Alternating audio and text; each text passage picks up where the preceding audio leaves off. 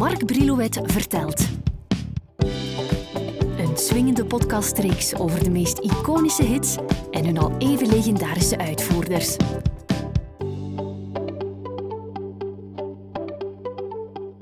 Hallo opnieuw, welkom bij onze podcast. Ik weet niet of u tuk bent op zwarte muziek, maar kom. We gaan eh, het eh, niet zo nauw nemen qua kleur of nou wit of zwart is, als het maar muziek is. Toen de Four Tops eind 1966 in Londen arriveerden voor een live optreden in de Savile Theatre, waren ze aangenaam verrast door het enthousiasme waarmee het publiek een nieuwe song, Reach Out I'll Be There, onthaalde. Hun leadzanger Levi Stubbs was zo onder de indruk van die ontvangst dat hij meteen nadien een nieuwe deal sloot voor een concert in Engeland enkele maanden later, toen ze daar uitpakten met hun volgende hitsingle Standing in the Shadows of Love. Ooit hadden zowel de Four Tops als Rita Franklin een platencontract bij een en dezelfde firma, Columbia Records. Dat zou niet gezegend worden met gouden hits. Rita begon pas echt te scoren toen ze overstapte naar het Atlantic label en de Four Tops naar Tamla Motown. De 26 juli 1966 legde de Four Tops in Studio A Hitsville USA de laatste hand aan wat een van hun grootste hits zou worden, Reach Out, I'll Be There. De jaren voordien waren bij Motown echte hoogtijdagen geweest, waarin niet alleen grote hits werden gescoord, maar waarin ook de studio's werden gemoderniseerd. Van de meest recente technische snufjes voorzien, en dat was te horen ook. Om het belang van de groep wat te duiden, de Four Tops die kaapten in Amerika hun eerste nummer 1 weg met I Can't Help Myself. Ze hadden daar trouwens hun hittrein iets eerder op gang getrokken met Baby I Need Your Loving.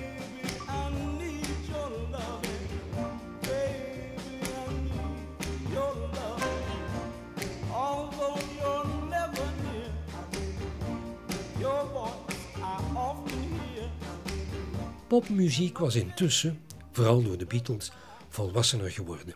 In 1966 pakte de Fab Four uit met een LP die een mijlpaal betekende in de wereld van de popmuziek Revolver. Daarop is steeds van antwoord gediend door de Beach Boys met Pet Sounds. In Amerika kreeg ook de soul een grotere maturiteit. De studio's aan zich gingen al maar meer hun stempel drukken. Denken we maar aan de Muscle Shoals Studio in Alabama, de Stack Studios in Memphis en de Motown Studios in Detroit. Toen het gouden schrijverstrio van Tamla Motown, Eddie Holland, Lamont Dozier en Brian Holland, met het nummer Reach Out I'll There bezig waren, wisten ze niet dat ze de grootste Tamla Motown-hit ooit in Engeland zouden afleveren. Het verhaal wil dat Brian en Lamont zij aan zij aan de piano zaten toen ze dit schreven en in die song op zoek gingen naar het antwoord op de vraag: wat willen vrouwen eigenlijk van hun partner? Ze hadden al een dergelijke oefening uitgeprobeerd in de song Ask the Lonely. Achteraf gaven Hallen en Dozier toe dat ze zich qua titel hadden laten inspireren door Reach Out For Me, dat Burt Bacharach en Hal David hadden geschreven.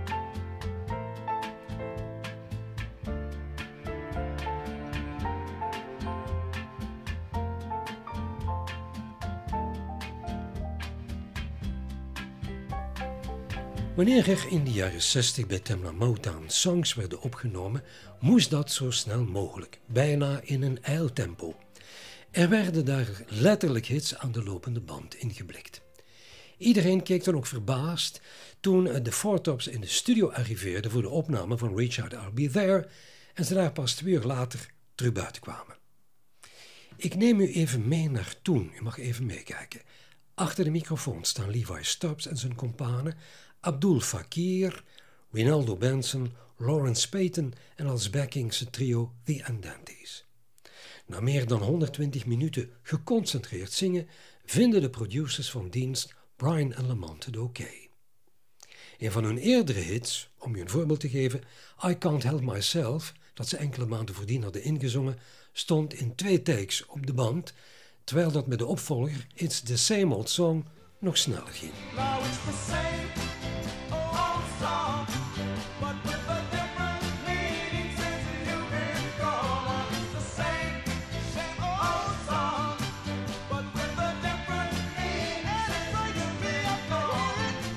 Op zoek naar een opvallende intro voor Reach Out I'll Be There kwamen de heren producers op die idee gewoon met hun beide handen op een houten stoel hè, te kloppen, om op die manier de beat wat accentueren.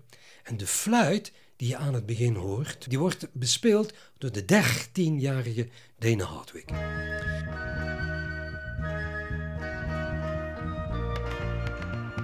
Die intro wordt volgens het verhaal dat ronde doet gedragen door de funky bas van James Jameson. Maar dat verhaal klopt niet, want uiteindelijk zal zijn inbreng niet gebruikt worden. Wel van de partij is Carol Kay. Ze wist ons ook nog te vertellen dat haar baspartij werd uitgeschreven door Gene Page, die later zowat alle arrangementen voor Barry White zal neerpennen. De rest van de begeleiding wordt geleverd door de alomtegenwoordige studioband bij Tamla Motown, The Funk Brothers. En dat doet mij eraan denken dat ik ooit met een aantal van die heren hier wat verderop ben gaan stappen en heerlijk kreeft heb gegeten toen ze samen met Junior Walker live te gast waren tijdens mijn Radio 2-programma Hitriders. Levi Stubbs, die tot dan toe altijd de lead vocals bij de Four Tops voor zijn rekening had genomen, die stond zo'n beetje moe, weigerachtig tegenover deze opname. Hij had liever dat iemand anders van de groep de klus nu eens zou klaren, maar daar wilde Hallen en Dozier niks van weten. Ze wisten dat Levi erg hoog kon uitpakken met zijn stem. Hij had het trouwens al eens eerder laten horen in de song I Can't Help Myself en ze wilden dat hij het deze keer nog eens overdeed.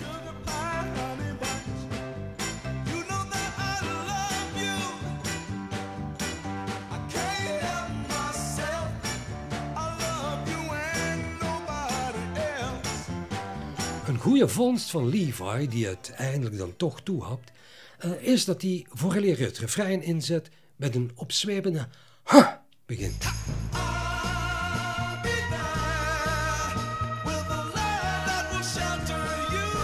Dat geeft het nummer meteen een lekkere drive.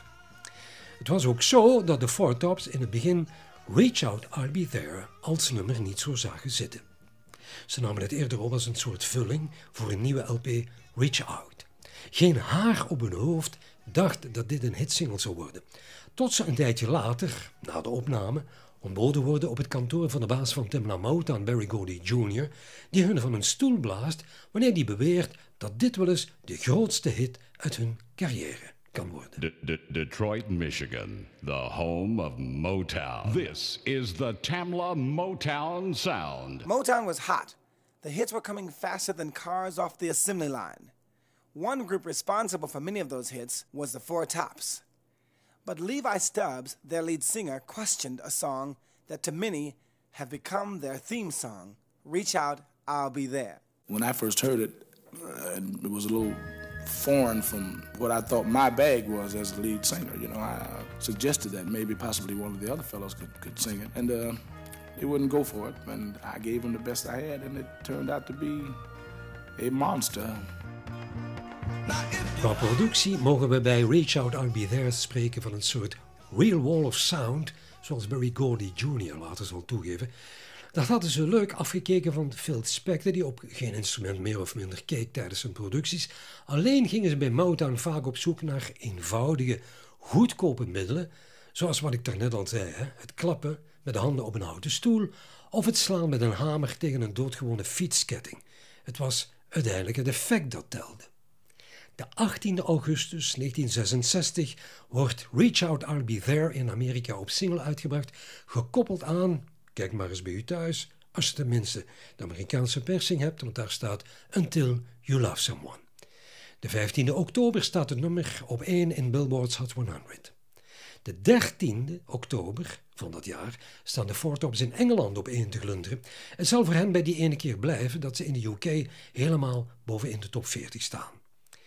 In Nederland belandde Song de 15e oktober op de 8e plaats in de top 40 en bij ons de 19e november op plaats 10 in de top 30. Just